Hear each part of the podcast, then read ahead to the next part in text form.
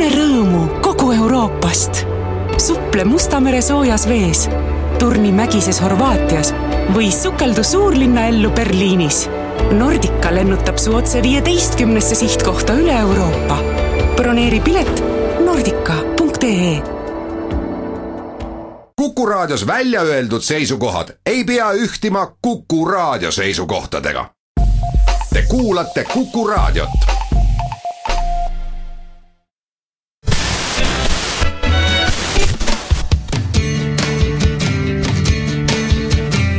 Radio Talsinki. Radio Talsinki ja unikaalsed Eesti lood toob teieni Solosokos Hotel Estoria. Radio Talsinki Tervetuloa jälleen Radio Talsinki ohjelman pariin. Saavuin tuolta Muhusaarelta eilen illalla ja Rossin Timo minua siellä sitten haastattelikin ja Rossin Timo on myöskin minun kanssani tänä aamuna, maanantai-aamuna täällä studiossa. Tervetuloa kuuntelemaan meitä. Joo, terve, terve. Niin, miltä kuulosti minun eilinen vuodatukseni, kun sieltä autosta annoin sinulle haastattelun? No sen nyt ymmärtää tietysti, jono on kolme tuntia, että saattaa siellä jonkunlainen vuodatus, vuodatus tulla. Ja minusta se oli ihan kuitenkin asiallinen raportti paikan päältä livenä. Niin, tuota, neljä tuntia. Ai se oli neljä tuntia? Neljä tuntia oli jonossa ja juttelin siinä, sitten oli suomalaisia myöskin siellä jonossa minun edelläni kaksi naishenkilöä, jotka tulivat tuolta ratsastustapahtumasta Saarenmaalta ja toinen oli hyvinkin kuumanen ja kyseli häneltä sitten siinä, että miltä sinun oikein tota tuntui, niin arvaa mitä hän sanoi minulle. No mitäs sieltä tuli? No tuota sieltä tuli, että on tämä nyt aivan perseestä.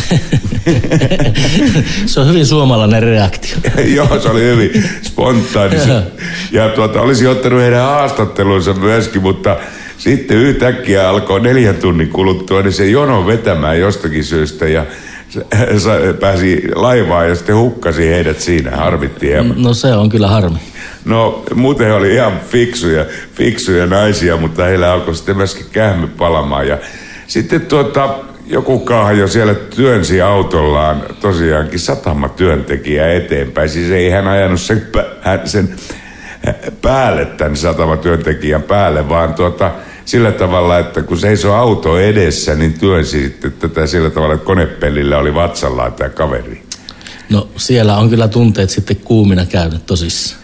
No joo, tai täytyy olla kyllä minun mielestäni poikkeustapaus mm. kuitenkin ja melkoinen kahju, joka tekee tällaista tuota, toiselle ihmiselle. Kyllä en, en ymmärtänyt sitä ollenkaan.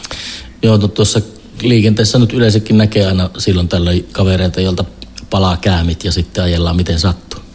Kyllä niin on, mutta tällaista mä en ole kyllä ennen nähnyt siellä, siellä tuota satamassa ja, ja Virtsun puolella tosiaankin tämä silloin, anteeksi kuivastun puolella tietysti. Aina mulla menee, menee mutta sekaisin niin, ku, kuivastu ja virtsu, että niin, kumpi on kumpi. Niin, kuivasto on muhun puolella ja virtsu on sitten mantereella.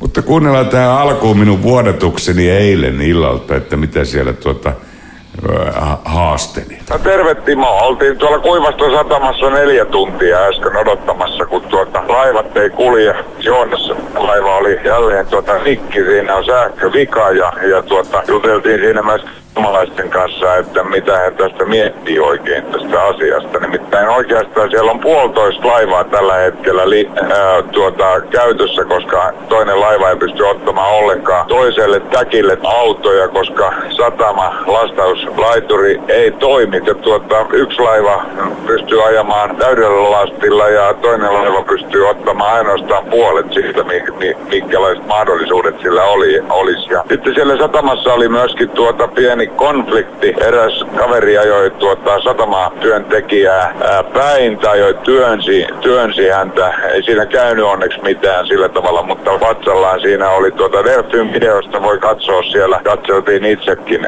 sitä asiaa ja ihmiset aika hermona odotellaan, jos toi jokainen kuvitella, kun neljä tuntia joutuu odottamaan. Me oltiin sieltä suht rauhallisia. Eli tällaisia ää, aika tuoreita kommentteja tässä nyt annan tuolta. Päästiin sitten tuolta Virt Joensuun puolelle ja ajellaan tällä hetkellä kohti Tallinnaa, mutta matka on tosiaankin venynyt aika, aika paljon näiden laiva-asioiden takia ja niin on varmasti moni muukin laskenut, että pääsee vielä jalkapalloottelua illalla finaalia katsomaan ja sillä tavalla. Ja, ja tuota, jonot oli tosiaankin sellaisia parhaimmillaan arvioin. En nähnyt sitä toista päätä, mutta kolmisen kilometriä varmaankin oli jono tuolla Kuivaston puolella ja muuhun puolella. Sitten tällaisia tuota, tuoreita kommentteja nyt täältä. Että suomalaisilta kyselin sitten, että mitä mieltä he ovat ja olivat sitä mieltä, että kyllä tällaisen täytyisi varautua, että olisi joku varasysteemi. Eli esimerkiksi Suomen puolella nämä lossit, joita, joita käytetään Kuopionkin seudulla, niin siellä on aina varaa lossi,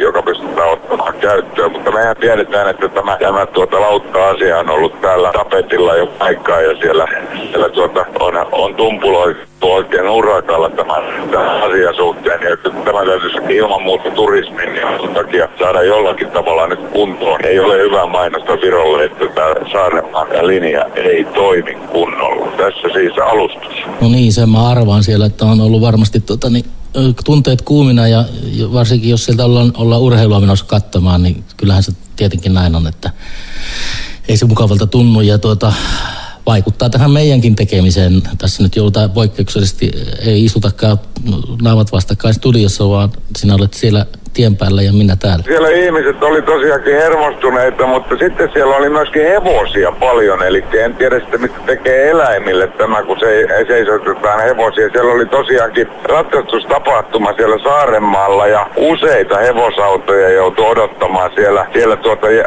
jonossa ylitystä ja, ja tuota, kuinka kauan sitten tällainen hevonen jaksaa seisoa siellä. Ilmeisesti monta sataa kilometriä niitä kyllä kuljetellaan, mutta olosuhteet ei ole kyllä mitään hyvät. Hyvät, jos on laskettu, ettei tarvitse eläimiä siellä pitää niin kauan aikaa. Siellä on kaikenlaista tuota asiaa, mikä pitäisi ottaa huomioon silloin, että nä- tähän varaudutaan nä- näiden lauttojen kulkemiseen. Ja tällaisia terveisiä nyt lähettäisin, lähettäisin sinne.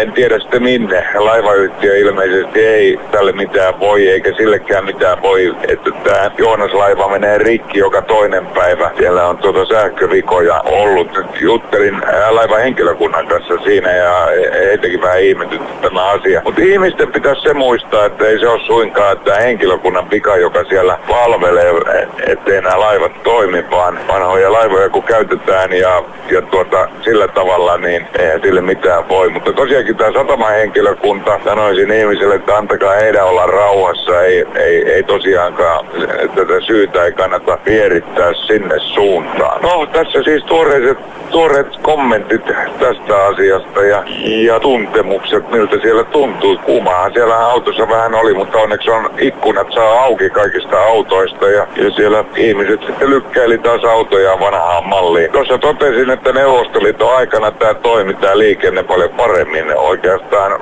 tuo Saaremaan välillä, koska autoja oli niin paljon vähemmän, niin ei tarvinnut niin paljon sitten odotella kuin korkeintaan kerran vuodessa, kun oli joku isompi puoluekokous tai sellainen siellä, niin, niin niin tuota itsenäinen Viro nyt ei pysty tätä niin hyvin hoitamaan, että pitäisi autoja vähentää tai tehdä jotakin muuta, että tämä liikenne saataisiin jälleen tuota toimimaan. Tällaisia terveisiä tällä kertaa. Siinä oli tosiaankin oma vuodatukseni ja tämä alus tosiaan, jonka kanssa tulin, niin se ei pysty purkamaan toisesta, toisesta, toiselta täkiltä näitä autoja. Aika mielenkiintoista. Niin, tuota, toisessa päässä on vissiin sitten satamassa jotain. Satamassa ei ole sellaisia laitteita, että pystyisi autot ajamaan sieltä ulos. Laivalla itsessään on nämä kaikki mahdollisuudet, siis ottaa kaksi kerrosta autoja, mutta satamaa ei ole rakennettu sillä tavalla, että se tämän laivan systeemeihin sopisi. No sehän on mielenkiintoinen juttu. No on, eli aika iso laiva, mutta ei pysty ottamaan kuin puolet siitä, mitkä on, mikä on mahdollisesti. No, tuota... Se ei tuota- kauhean taloudellista ole sellainen. No ei ole kyllä kovin taloudellista.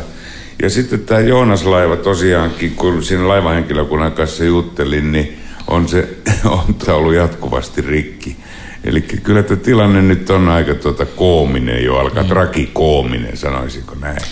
Mm, sinä sanoit, että olisi uusia laivoja tulossa. On tulossa uusia laivoja, mutta ne ei vielä ehdi tähän, tähän hätään. Ja katsotaan, jos te ensi vuonna olisi jo kyllä tämä laiva-asiat kanssa nyt suhmuroitu ihan tarpeeksi minun mielestäni ja, ja tuota varmasti monen muunkin mielestä. Katsotaan nyt sitten, miten se selviää. Mutta jätetään tämä juttu. Tuota, tästä varmasti kirjoittelee muutkin lehtiin, kun tuota, me täällä siitä no Joo, kyllä siellä eilen jo oli kaikki, kaikki tuota lehdet kirjoittanut siitä täällä puolella. Suomessahan näistä ei kukaan huomaa mitään. Niin, huomaa sitten vasta, kun itse on siellä Saarenmaan jonossa. Ja pistetään tähän alkuun hieno piisi meiltä, meiltä tuota Pate Mustajärvi, ajan päivin sekä öin. Viittaa vähän tilanteeseen.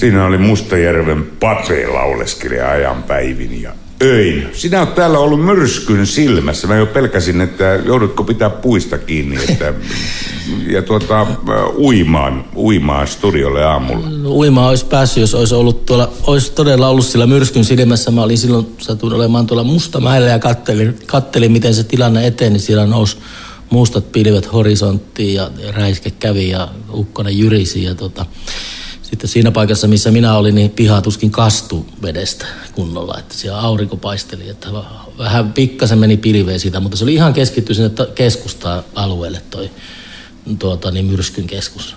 se on aika metkaa, että välillä kun sataa, niin on niin kuin olisi viivalla vedetty viiva, että missä sataa ja missä ei. Mutta nyt kun katselin noita kuvia tältä, niin aika hurjan näköistä. Siellä oli autojakin, renkaat melkein peittyi. No ei pelkästään renkaat. Tuota, siellä oli, kaveri kertoi, että äh, muun muassa jossain kohdalla tuolla siellä Ylemisteen tai tuon Lasnamäen kohdalla, niin sellainen äh, niin kuin äh, laaksopaikka siinä tiessä, niin siellä oli rekka-auto melkein ikkunoita myöten oli tuota veden, veden alla, että siellä oli niin paljon tullut vettä. Ja sitten toi, se tunneli siinä, mikä menee tuota Läsnämäelle siinä Ylemmisten kohdalla, niin se oli kanssa, että ei sinne voinut ajaa ollenkaan, se oli vettä niin paljon.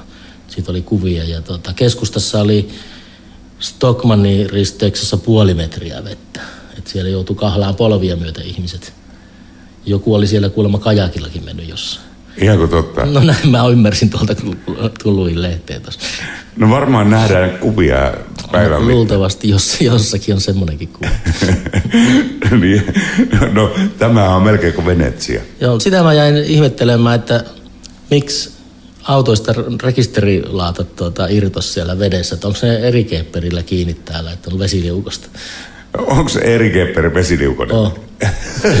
Voi olla, että ne on laitettu tosiaankin sillä tavalla kiinnittää. No. Olisiko jollakin sinitarrella tai joku? Tai joku semmoinen, joo. Koska tota, niitä oli vaikka kuinka paljon siellä tuossa kuvia kattelin, niin sitten ihmiset nosti sieltä kadulta, kun vesi oli laskenut niitä sinne kadun varteen näkyviin, että löytäisi porukka oman rekisterilaattansa sieltä sitten, kun niitä etsittiin.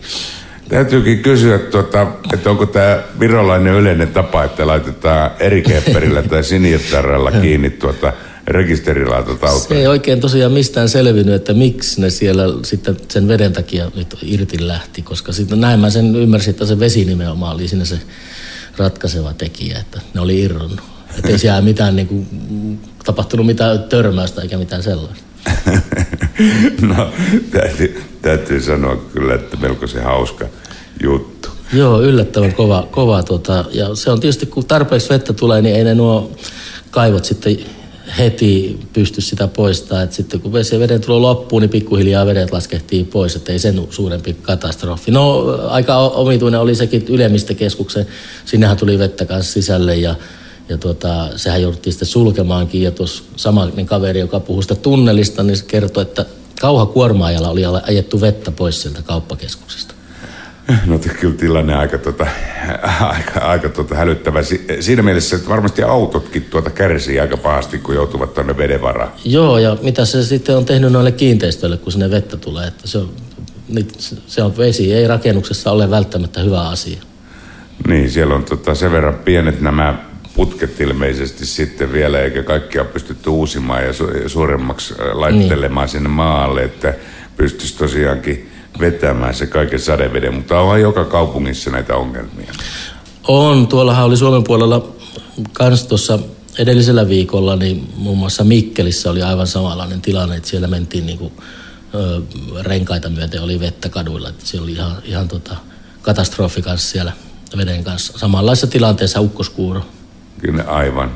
Tuota, pistetään tähän väliin äh, tuota Matti Eskon lämmin hellä pehmoinen, että päästään tässä maanantaissa hienosti tuota alkuun. Me tehdään tätä nimittäin aamupäivällä. Tämä lähetyshän tulee iltapäivällä ja aika harvoin on tullut tehtyä maanantaina aamulla tätä ohjelmaa. Tämä taitaa olla ensimmäinen kerta, eli nyt ollaan kyllä aika tuoreissa – uutisissa. Tosin niitä ei olla ehditty vielä Timo kanssa luke- lukemaan, mutta samalla lähdetään ja pidetään pieni tauko tämän kauniin Matti Eskon lämmin helle ja pehmoinen piisin tiimoilta.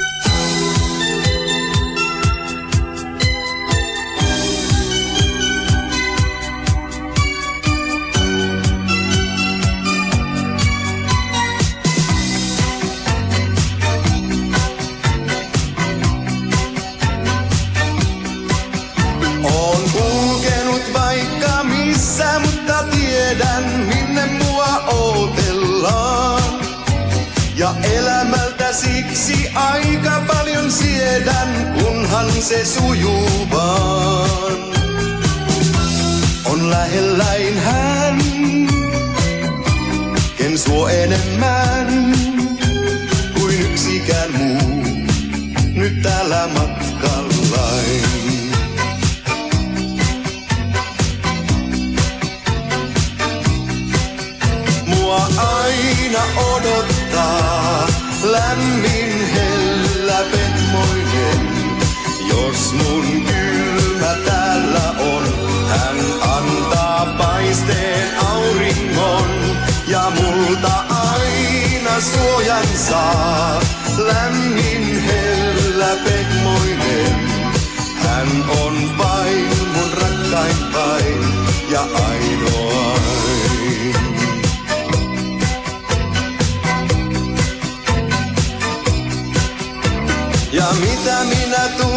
sellaista ei koskaan voisi multa ottaa pois.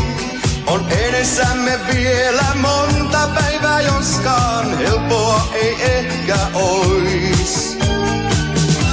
Niin uskomaton, vain rakkaus on. Arvoa sen, mä tuskin tiedänkään.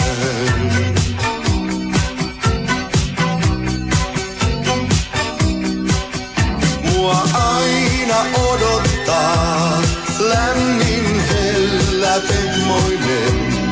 Jos mun kylmä täällä on, hän antaa paisteen auringon ja multa aina suojan saa. Lämmin hellä pehmoinen. Hän on vain mun rakkain vain ja ainoain.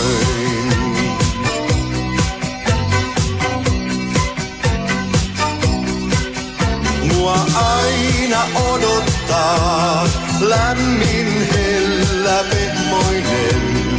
Jos mun kylmä täällä on, hän antaa paisteen auringon ja multa aina suojan saa. Lämmin hellä pehmoinen. Hän on vain mun rakkain vain ja ainoain.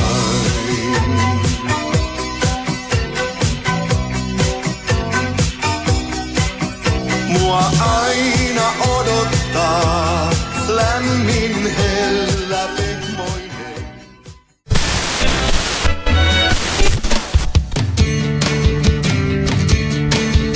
Radio Talsinki. Radio Talsinki ja unikaalsed Eesti lood toob teieni Solosokos Hotel Estoria. Radio Talsinki. Radio Talsinki-ohjelman parissa jatketaan ja Kukkuradion aalloilla studiossa Rossin Timo ja Tapio Rei. No niin, Timo, mitä sanot? Jalkapallokisat on sitten ohi siellä Euroopassa ja elämä jatkuu. No joo, aika jännä, jännä peli loppujen lopuksi eilen oli sitten, kun se pääsi niin kuin alkamaan että sitä pallo, pallottelua. Ranskahan painosti kyllä minun mielestä, no mä näin vaan toisen puoliajan, mutta aika, aika tota, suverenisti Ranska vissiin taisi painostaa. Ja tota, no siinä käy usein sitten tietysti niin, että sieltä vastaiskusta sitten tulee kaverille maali. No katselin siinä, että kun siellä oli Italiallakin ylärimaan ampu yhden kerran ja, ja tuota Ranska ampui tolppaada. Ja tuota, Joo, niin tai Portugalia tarkoitit vissiin. niin, niin. Joo, ja sitten toi ikävä tapaus oli tämä, Ronaldo sai polvensa sitten rikki, saa nähdä sitten, että niin kuinka vakava vamma loppujen lopuksi on. Kaveri oli kuitenkin er, erittäin iloinen tästä Euroopan mestaruudesta. Joo, kun tuli sitten seuraamaan, kun oli paikattu, paikattu ja tota, to, toimi ilmeisesti aika pitkälle apuvalmentajana siellä huuteli kentälle ohjeita. Siinä taisi olla muutama muukin apuvalmentaja siinä, siinä Portugalin tiimissä. Se, se, on se niin kova juttu tälle kansalle. On se joo, kun tässä on taas kysymys siitä, että 11 miljoonaa heitä vaan on. Niin, Että tota, ei ole mikään iso kan, kansakunta verrattuna Ranskaan. ei, ei tosiaankaan ole. Ja tuota, on sellainen Espanja pikkuveli ollut aina. Kyllä, ja tuota, hieno, hieno saavutus minun mielestä. Ja tuota, kyllä mä sanon, että minusta kyllä ansaitsivat. Kyllä. Mutta kyllä oli hieno saavutus, hei, tämä Kanterin pronssimitalikin. Joo, toiset EM-kisat, eli yleisurheilu. Ja kolmas sija tuli. Oli, oli tuota, ja 65-27 heitti Kertti, ja Kert on kyllä ollut tuota sellainen, sellainen tuota, luotettava kaveri. No sen mä katsoin, että siellä on aika paljon mitaleita olympialaisesta kulla, olympiakullasta lähtien tuossa vuosien mittaan tullut, että aika loistava urheilija ja varmaan Viron parhaita, parhaita saavutuksia kautta aika. Ja tosi fiksu kaveri. Joo. Täytyy sanoa, että kaikissa näissä haastatteluissa ja muissa että, mm. niin on kyllä sellainen, että Viro saa olla tosi ylpeitä mm. hänestä. Hän on tosi upea urheilija. Ja, mutta tuota, mekin otettiin sitten pronssi keihässä, eli kyllä tota, myöskään, myöskään tuota, menisi sitten meitä ihan kokonaan tuomitsemaan. Se Suomikaan niin iso, iso maa ole. Ja nyt tämän jälkeen tosin, kun Islanti pelasi näin hienosti, niin, niin enää ei voi sanoa, että on niin pieni maa. Niin, no ei, joo, pienempiä löytyy, jotka pärjää. Ja kyllä se Suomen yleisurheilu on kyllä, kyllä aikamoisessa taantumassa tällä hetkellä kuitenkin siitä huolimatta, vaikka pronssia keihässä tulikin. Joo, ei meillä hiihto on toinen, joka on pienessä mm. taantumassa ollut sitten sen jälkeen, kun meillä tämmöinen pieni, Lahdessa kävi tämmöinen pieni äh, FIPA. No joo, se siitä, siitä se alamäki alkoi. Mielenkiintoista olisi tietää, että alkoiko se alamäki Suomen yleisurheilusta näistä samoista syistä, että alettiin pelkäämään, että kärry käy nimittäin Meksi, äh, nämä tota, äh, Meksiko, hetkinen, mitkä nämä olympia? Brasiliassa. Ei vaan silloin kun tuota, Ai. Virenki juoksenteli, niin sen niin, jälkeen joo, tuli vasta nämä doping-testit. Niin joo, kyllä. Joo. Tai ettei saanut käyttää enää näitä kamoja, että ei sitten tiedä, että kuinka monta mitalia me saatiin, mutta kyllä sai muutkin. No kyllä, se mä luulen, että jos sitä on suomalaiset käyttänyt, niin kyllä sitä on käyttänyt kaikki muutkin. Niin. Itä-Saksakin vähän käytti sitä. No se, siitä mä en ole ihan varma. Taisi olla, että se, se ei hirveästi. Vaikka niillä naisilla partakasvo. No en mä tiedä, kauhean kauniita kuulantyöntäjiä, että ei ne voi olla hormoneja käyttäneet. Meinaatko näin? Joo, kyllä. Kuinka mielenkiintoista, sanoisin, sanoisin näin, mutta nyt sitten odotetaan Rio Olympialaisia no joo, seuraavaksi. saa nähdä sitten, tuleeko sieltä yhtään mitalia. Jengi pääsee valvomaan siellä, niitä. Niin, siellä on niitä lajeja kyllä paljon. Ja tuota. niinhän, niinhän niitä tuntuu olevan, joo. Mutta tota, kuunnellaanko Jenni, Jenni Vartiaista tähän väliin? No se olisi kiva kyllä. Ja, ja sitten jatketaan lähetyksen parissa.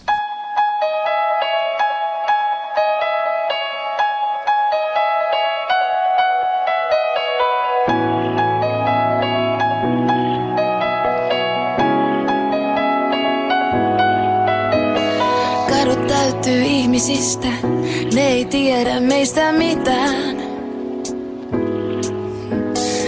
Otat mua asemalla, ehkä kello antaa. Anteeksi minulle, juoksen loppumatkan sinä. Olet kaunis niin kuin aina, sinun korkeissa koroissaan.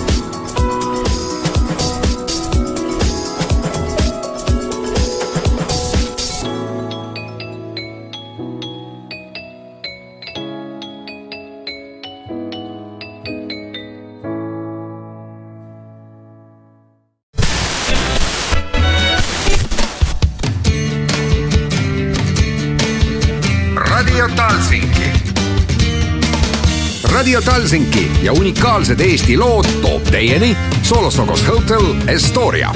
Radio Talsinki.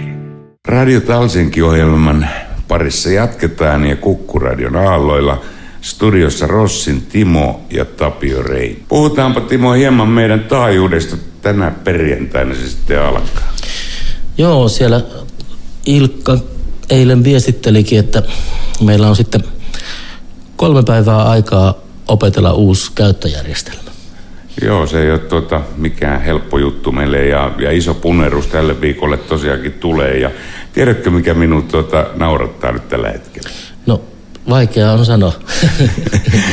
Katso, ennen meistä ei kukaan ollut tippakaan kiinnostunut tuota virkamiehet eikä muut, mutta nyt meille sitten alkaa tulemaan hirvittäviä saarnoja, että kuinka, tuota, mitkä asiat meidän pitää ottaa huomioon ja, ja, ja tällä tavalla. Ja, ja tuota, nyt kun te saatte se analogisen taajuuden, mutta silloin oikeastaan kun virkamiehet olisi ollut mm, paikallaan hieman meitä tukea, niin silloin kyllä ei tullut. Mutta nyt sanotaan, nyt kun saatte taajuuden, niin nyt teidän pitää tehdä niin ja näin, näin ja tuolla tavalla. Ja sitten meille tulee kaikenlaisia tuota, erilaisia neuvoja, miten meidän pitäisi tehdä joka suunnalta tällä hetkellä. Ja meidän täytyy olla erittäin tarkkana, mitä, mitä me oikein tuota onkeen otamme. Että kyllä tällä saa radiopuolella myöskin eh, olla kieli keskellä suuta, että ei lähdetä kaikkeen mukaan, missä, tota, mitä meille ehdotellaan. Joo, vähän on tuntunut, että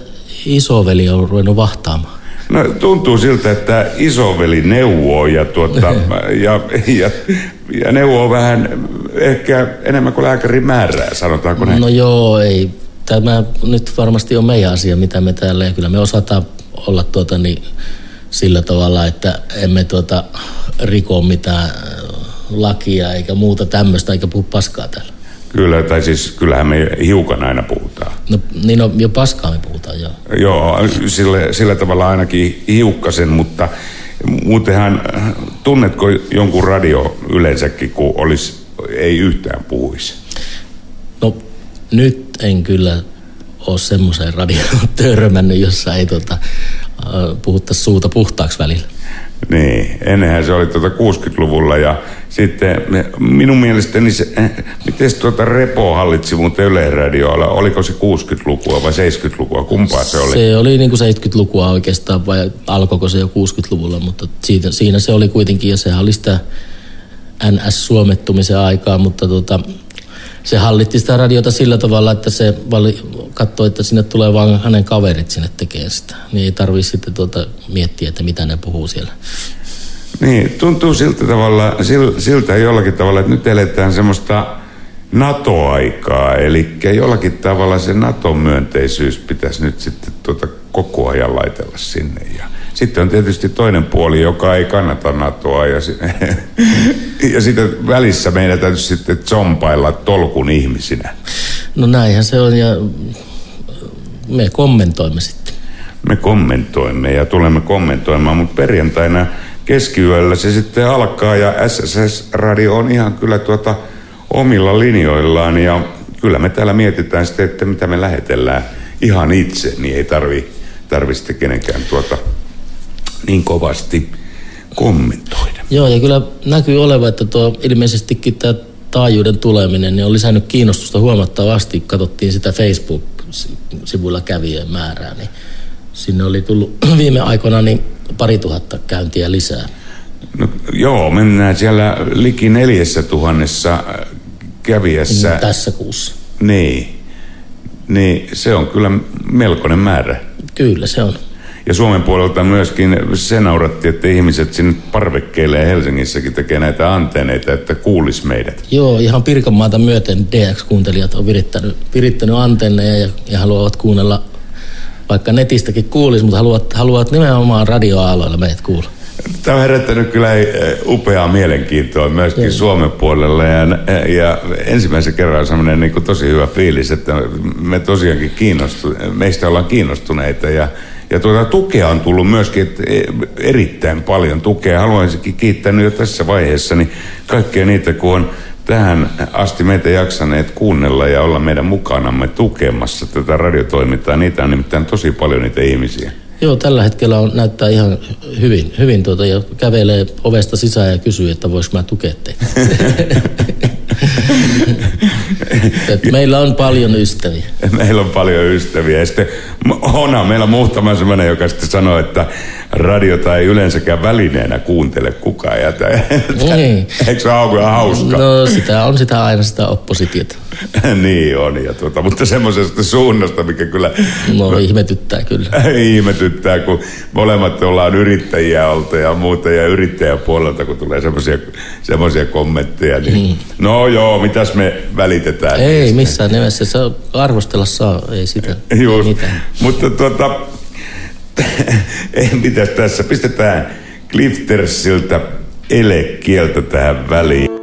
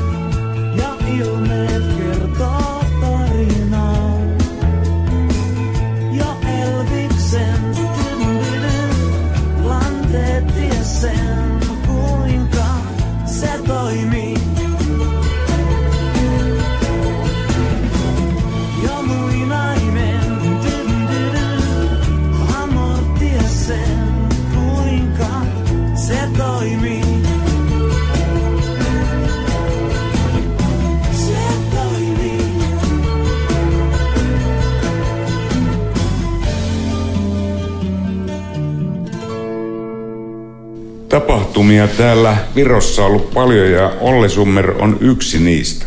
Ja jatketaan siis sillä aiheella. Studiossa on Timo Rossi ja Tapio Reini ja tauolta siis palattiin.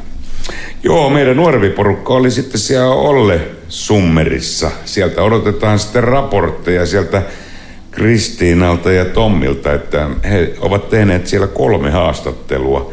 Näin minulle tuota kerrottiin. Joo, se oli kiva, että he pääsi, pääsi sinne tekemään musiikkiohjelma ihmisiä ja, ja vielä jos saaneet haastattelulla, niin hieno homma. Niin ja opiskelijoillehan tuota mm. Tommi ja Kristiina on tehnyt jo, jo pitkän aikaa ohjelmaa. Joo, kyllä siellä varmaan niin kuin, enimmäkseen mäkään en tullut lähteneeksi sitten katsoin, että on, vähän, vähän tota, olen niin monta kertaa käynyt, että eikä löytynyt semmoista ihan niin kiinnostavaa artistia tällä kertaa, että olisin halunnut mennä katsomaan. Niin, kyllä siellä tuota porukkaa varmasti on ollut jälleen paljon. En tiedä yhtään tällä hetkellä kuinka paljon, mutta kun ei ole vielä näitä maanantai. Siellä muu saarella on vähän paitsiossa näistä nyt. No mä kans ajattelin, että sä oot, olit e- aika lailla uutispimennossa viikonloppuun, että nyt sulla on vähän kertaamista sitten. Joo, mutta tiedätkö mitä? Olin siellä kyläjuhlissa ja virolaiset kyläjuhlat on kyllä melkoinen tapahtuma, täytyy, täytyy sanoa. Ja, ja tota, vähän oli pahoillani, kun ei ollut diktafonia mukana, nimittäin siellä on paljon ihmisiä, jotka puhuu erittäin hyvää suomea. Ja, ja sitten ihmisiä, jotka on muuttaneet sinne, jotka on ollut ihan kovissa asemissa, siis korkeissakin työtehtävissä ja sanoivat, että he on heittäneet tuota, niin kuin Jäniksen vuosimalliin, niin vanha ammattinsa roskakori ja muuttivat sinne muuhun saarella ja elää sitä vähemmälläkin. No niin, joo, se on kyllä se, nykyään se suuntaus, että kun ei enää viitti siinä oravan pyörässä pyöriä, niin sitten tuota, pistetään pennit jonoon ja, ja tuota, etsitään yksinkertaisempaa elämää, joka saattaa olla sitten kyllä huomattavasti, huomattavan mukava asia ja, ja tuota, niin, semmoinen ihminen, ihmisen stressi ja kaikki poistuu. Turha. Mutta siellä oli tiedätkö monta sellaista ihmistä, jotka sanoivat sitten samaa, että ei niinku enää, enää viittinyt ja, ja tuota, o, ovat päättäneet sillä tavalla, että he tulee vähemmälläkin toimeen ja, ja tosiaan tehneet korkeissa asemissa hommia ja muuttaneet takaisin sinne tai, tai takaisin. Tai sitten osa on semmoisia, jotka, jotka ei ole sieltä kotoisin, mutta kuitenkin tuota, valinneet muuhun sen siksi paikaksi, jossa sitten elelevät. Ja Saarenmaa on toinen paikka, missä, missä paljon on myöskin suomalaisia. Ja muuhun saarella myöskin on suomalaisia paljon. Joo, kyllä sitä, itsehän on tuolta pieneltä paikkakunnalta kotoisin ja sinne tuli aina tasaisin väliajoin sieltä. Ensin saattoi olla mökki, mökki tuota ja asuttiin Uudellamaalla Helsingissä ja sitten laitettiin mökki sinne, kun siellä on järviä paljon ja sitä myöten kun oppivat siellä olemaan, niin kun tuli eläkeikä lähelle, niin sitten ne muutti pysyvästi. Toivoisin myöskin, että virolaiset eh, takaisin muuttaisivat tuota sieltä Suomen puolelta sitten kun aikansa siellä, siellä tuota, tehneet töitä, eli paluu muutto alkaisi jossakin vaiheessa. Ja niinhän se alkoi meillekin, meillekin silloin aikanaan Ruotsista tämä paluumuutto. joo. Siellä oli tuota tosiaan runsaasti suomalaisia ja kyllä sieltä pois, poiskin tuli todella paljon. Vaikka jäikin. Jäikin, osa tietysti jäi, että opi olemaan siellä, mutta Se osa on muutaman sata tuhatta, joka jäi. okei, okay, selvä. Sisuradiota, si- sisuradiota siellä kuuntelevat tuota, kyllä. koko Ruotsin alueella ja, ja terveisiä vaan. Me, me, täm- tämäkin ohjelma sinne jaetaan sinne Sisuradion Ruotsin puolelle ja, ja tuota, siellä on, ollaan oltu yhteyksissä Sisurradioon jo kauan muuten siellä. Että Joo. se, sehän toimii muuten tuota Ruotsin yleisradio alapuolella ja toimii ikkunaperiaatteella, eli Sisuradio saa sellaisen ikkunan aina johonkin aikaan ja, ja tuota, se menee sitten yli, yli koko Ruotsin. Joo, se on hieno juttu, että se on koko Ruotsi. Kyllä, ja tota, täytyy sanoa, että ERR suhtautui meihin myöskin tosi myönteisesti, kun pyydettiin uutisia, uutisia siltä suunnalta. Ja katsotaan nyt, mitä siitä yhteistyöstä sitten tulee. Paljon siis paremmin kuin Suomen Yleisradio. Joo, sieltä se on liian iso, iso koneisto ilmeisesti meille se yleisradio, että se ei pysty taipumaan tämmöisiin suorituksiin, että No, saisi uutisia meillekin. Musta tuntuu, että se jollakin tavalla leipiintynyt, tiedätkö se sillä tavalla, että isossa talossa ollaan mm. töissä ja esillä nyt niin, niin tuota, ei, jollakin tavalla he tekee sitä le- leipätyötään ja hokee sitten, että olen ollut nyt Yleisradiolla kymmenen vuotta ja Eli ei haluta ylimääräistä hommaa ottaa. ei, ei tota, pienempi radio täällä Viron puolella, niin sitten kiinnostaa ehkä heitä enemmän työ, mm. omat työnsäkin. Ja ollaan me tietysti tällä samalla puolella Lahteen, että Niin sekin on sekin yksi on asia. yksi, yksi etu meille siinä. Joo, mutta laitetaanko me viimeinen biisi Happoradiolta? Se, miksi sä oot valinnut Timo tämmöisen kuin Hirsipuu? No kun se on niin hi- hirvittävän paras Happoradion kappale. ei ole mitään tekemistä näiden aiheiden kanssa tuolla nimellä, vaan se kappale on niin, niin hieno. niin sit sä valitsit sen Hirsipuu. Joo, muuten, toi on muuten tosi hyvä peruste, että tämä ei liity niinku yhtään mihin. Ei tarvi liittyä, se on hyvä. niin, ei, munkaan mielestä tarvi. Pistetään tää hirsipuu sitten soi.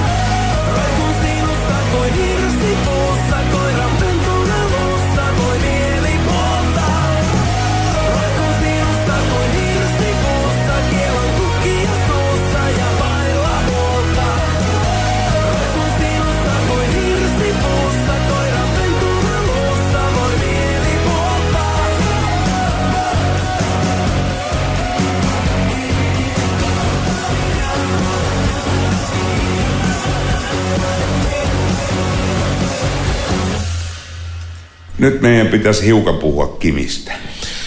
Joo, Kimi Räikkönen tuossa Britannian GPS sijoittui viidenneksi, otti kymmenen pistettä ja ohitti tallikaveri M-pisteissä viikonloppuna. Ja tuota, sen lisäksi teki vielä historiaa ajamalla sadannen osakilpailunsa Ferrarin ratissa. Ajattele sata.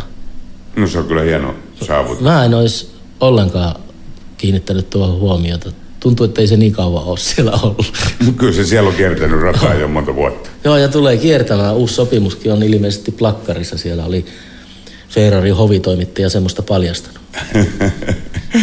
Me saatiin muuten uusi tukija myöskin, jossa myöskin ajetaan tuota Joo, tuota, niin Laitse Rally Park lähti tukemaan meidän radiota ja tuota, liittyy nyt tähän aiheeseen, koska siellähän sitä pystyy sitten ajamaan karttingia ja jopa rad, lada ralliautolla pääsee ajamaan tuota ihan pikataivalta. Ja niin, ja äiti pääsee sinä aikana, kun tuota is, iske sitten tekee lasten kanssa siellä leikkitalossa leikotaloja. Joo, siellä on mahtavat tuota, niin sanotusti fasiliteetit koko perheen harrastuksia varten. Eli siellä on semmoinen yksi kokonainen talo, mikä on niin ihan lasten leikkejä varten varusteltu. Ja siellä on tietokonepelejä, siellä on perinteisiä leekoja piirustaa vai pi, ihan pikkusimmat saa sinne karsinaa, että ne karkaa ulos. Ja, ja pihassa on sitten tuommoinen liikennekoulu, eli tämmöinen pieni, pienoismallikaupunki, jossa on sitten liikennemerkit ja liikennevalot ja kaikki, kaikki paikallaan. Siellä voi sitten semmoisilla pienillä polttomoottorilla toimivilla tai sähköllä tai sitten poljettavilla mönkiäisillä ajan, ajaa ja koittaa noudattaa niitä liikennesääntöjä ja niitä oppia siinä samalla. Se on muuten hieno paikka kyllä. Ja Se on hieno paikka ja itse kävin kartingia kokeilemassa ja ja eka kertaa elämässäni ja pikkasen saattoi kärpänen vähän purasta. Minä ajoin ralliautoa. Joo, sinä päästit ladalla niin, että pöly, pöly lenti. No tosi hiljaa ajoin, katsoin vaan sen ra- rataprofiilin ja... No ei se siltä näyttänyt. Ai jaa, no ei se mitään. Me, me ollaan muitakin tukijoita saatu sitten. Me, ö, hammanlääkärin asema lähti meitä Joo, yksi tukemaan. hammaslääkäriasema ja sitten on näitä en- entisiä tukijoita tuossa ihan oven toisella puolella tai käytävän toisella puolella Kefir Oy, mikä meidän we- web-sivut on tehnyt ja on tukenut sitä kautta meitä ja, ja sitten on vu- monta, monen vuoden takaa varmaan. Sä tiedät paremmin niitä alunperäisiä, minä olen niin lyhyemmän aikaa tässä radiossa niin ollut. Siellähän ne meidän etusivulle tuota, ilmestyy sinne alalaitaan, mutta isot hienot firmat, Saku tietysti yhtenä isona Joo, ja, Saku, joo, kyllä. ja tuota, muitakin siellä Pinekon Oyt ja muut niin olleet tuota mukana. Ja nyt sitten näette, kun olette ollut meitä tukemassa, niin 92,4 megahertsiä on se lopputulos sitten. Joo, siinä vaan ei muuta kuin autoradiota nupit kaakkoon.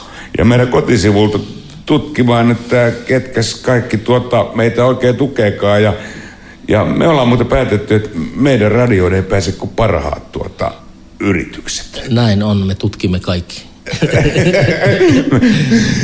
SSR-radiossa on ainoastaan parhaat yritykset, Kyllä. mutta aina sopii pari lisää. Aina sopii pari lisää, jos vaan tota, niin kiinnostusta on ja onhan sitä, minä uskon. Me var- varmaan saadaan tukijoita vielä paljon. Aivan selvästi tuota kiinnostus nousi välittömästi, kun tämä analoginen mm. saatiin, mutta toivottavasti me saadaan myöskin ääni ulos, että jännitetään, poru, jännitetään porukalta. Soitin sinne järe, teknisen järjevalve ammettiin ja tuota, sanoin, että kai me saadaan kokeilla sitä. No sieltä sanottiin heti, että joo, kyllä te saatte, mutta muistakaa, että teillä alkaa taajuus vasta 15. päivä. Kyllähän me sen nyt muistetaan, mutta, mu- mutta tuota, pakkoa meidän tietää, että me saadaan ääni tältä ulos. No mä luulen, että tuota, Ronkaisen Ilkalla on semmoinen mittari, mikä kertoo sen, että toimiiko nämä vai ei. Mä luulen, että mä pistän itse kuumemittari kainaloon, jos katsot se seuraajallinen itseäni, että paljonko stressi nousee tässä viik- viikonloppua. No, mitäs tuota, lopetellaan kun pikkuhiljaa lähetystä ja, ja aletaan tekemään sitten hommia sen eteen, että saadaan kaikki toimimaan. Ja... Joo, taitaa tulla minuutit täyteen. Tunti on mennyt kohta. Tätäkin lähetystä. Oh, all right. Iloisi kuulemiin ja näkemiin ja 92,4 megahertsiä tänä perjantaina kello 24.00. Miten se sitten sanotaan? No nolla, nolla, nolla, nolla. Nolla, nolla. Puolella. 0000 alkaa Joo. historiallisesti ensimmäiset kaupallisesta radiosta. Suomen kielellä tulevat ohjelmat. Niin, me, me tuota, olemme kanssanne. Palataan jälleen ensi viikolla asiaan. Moi moi. Hei vaan.